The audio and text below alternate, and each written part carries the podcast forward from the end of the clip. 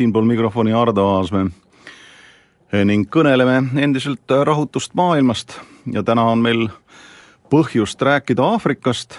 Ja mitte sellepärast, et Aafrika oleks kuidagi mahajäänum ja rahutum kui muu maailm, aga lihtsalt ähm, igas maailmajaos ja igas piirkonnas on oma eripärad. Meie argimõistuslik arusaam Aafrikast on selline, et tegemist on mahajäänud, vähearenenud piirkonnaga, mis püsimiseks vajab jõukate riikide ulatuslikku majandusabi paraku tuleb tunnistada, et Aafrika on sama mitmepalgeline kui Euroopa või Aasia. Aafrikas on piirkondi, mis on tõepoolest nii-öelda käest ära ja kui me räägime Euroopast, siis ega siis Balkani segadused on ju alles äsjased ja samasuguseid segadusi on ka Aafrikas, samas on Aafrikas ka piirkondi ja riike, kes saavad iseendaga üsna kenasti hakkama. On riigid, mis on tõusuteel, mis on, mis on languses. Ja kui me räägime nendest, kes endaga hakkama saavad, eh, siis eh, näiteks Botswana, mis territooriumilt on küll suur riik, kuid rahvaarvult mitte eriti, nad saavad üsna kenasti hakkama, on ju Ghana, mis aastaid kidus, kuid tundub, et hakkab saama jalgu alla. Ja paljuski selle eelduseks on poliitiline stabiilsus. Lääne vaatevinklist poliitiline stabiilsus on alati tagatud siis, kui on tagatud demokraatia, inimesed saavad oma vahe, tahet vabalt väljendada, kuid see on ühiskondades, mis on paikse elanikkonnaga, linnaühiskonnad kus on kõrge haridustase ja kirjaoskus, paratamatult demokraatia otsejuurutamine piirkondades, kus väga tugevad on hõimusuhted, kus majandus on algeline ja kirjaoskus piiratud, ei pruugi demokraatia anda mitte kõige paremaid tulemusi samas on Aafrikas piirkondi, kus segadused mitte ainult ei kesta, vaid ka süvenevad. Noh, aastaid on olnud või paarkümmend aastat on olnud segane olukord ähm, ju Somaalias, see on siis Aafrika sarvepiirkonnas, teiselt poolt jällegi on kunagine Belgia-Kongo üsna rahutu, tundub, et liik on, riik on liiga suur ja rahvuslik, rahvuslikult liiga mitmepalgeline selleks, et teda hoida ühe riigina koos. Ja nagu oli juba juttu, on suur probleemiks ähm, kujunenud Nigeeria, mis ühelt poolt on suur majandusvõim tänu sellele, et muidugi Aafrika mõistes, tänu sellele, et ta on suur naftatootja, teiselt poolt aga rahvuslikud, usulised ja muud tülid on riiki lõhki käristamas ja tõenäoliselt on selle taustaks jällegi nafta paiknemine, sest nafta paikneb ikkagi või naftamaardlad paiknevad ju Atlandi ookeani rannikualal, aga mässuala on ikkagi Põhja Nigeeria, mis on siis islamiusuline ja, ja suhteliselt vaene.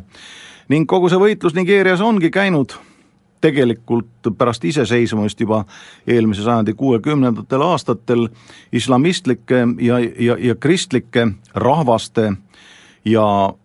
piirkondade vahel ja täpsemalt öeldes ikkagi nende piirkondade vahel, mis on jõukad naftast ja need, mis naftast jõukad ei ole, sest põhjapiirkonnad ju elavad ikkagi lõunapiirkondade naftatuludest, kuid riigi röögatu korruptsioon, kus naftatulusid varastatakse päise päeva ajal ja, ja naftat ei varastata seal ju mitte dollar haaval, vaid tanklaevade haaval. Ning seetõttu on karta, et ähm, tegemist saab olema sellise konfliktikoldega tulevikus, mis oma suuruselt ja mahult käib maailma noh, ütleme kogukonnale üle jõu, nimetame seda siis ÜRO-ks või kelleks iganes, ja Aafrikas on üldse huvitav olukord. kui kusagil läheb asi keeruliseks, siis pöördutakse reeglina oma endise koloniaalvalitseja poole, noh kas või Kesk-Aafrika praegu antud juhul, kus siis kohalikud, võiks öelda nii, et kristlased palusid kaitset Prantsusmaalt, kuhu siis ka Eesti appi läks, ja, ja kui me vaatame seda mustrit või konfliktide mustrit, siis on ju selge, et näiteks Portugal ja Prantsusmaa, nemad olid võtnud koloniaalvalitsuse või valitsemise aluseks ju ikkagi otsese valitsemise, kus siis koloniaalametnikud korraldasid kohalike hõimude rahvaste igapäevast elu, britid aga eelistasid seda nii-öelda indirect rule ehk kaudset valitsemist, kus siis kohalikele hõimupealikele, kuningatele, vürstidele, emiiridele jäeti sisemise omavalitsuse ülesanne ja britid tegelesid siis pigem välispoliitika ja kaitsega. see tähendab seda, et brittide suundumus oli pigem rakendada erinevaid protektoraate võimaluse korral, selle asemel, et võtta see peavalu, mis on seotud igapäevase valitsemisega, enda peale. ja tänasel päeval tuleb tunnistada, et mm, keeruline on just nendes piirkondades, kus mm, ei ole endist tugevat koloniaalvalitsejat enam olemas, sest Belgia-Kongo on lihtsalt mm, suurem kui terve Lääne Euroopa kokku oma territooriumilt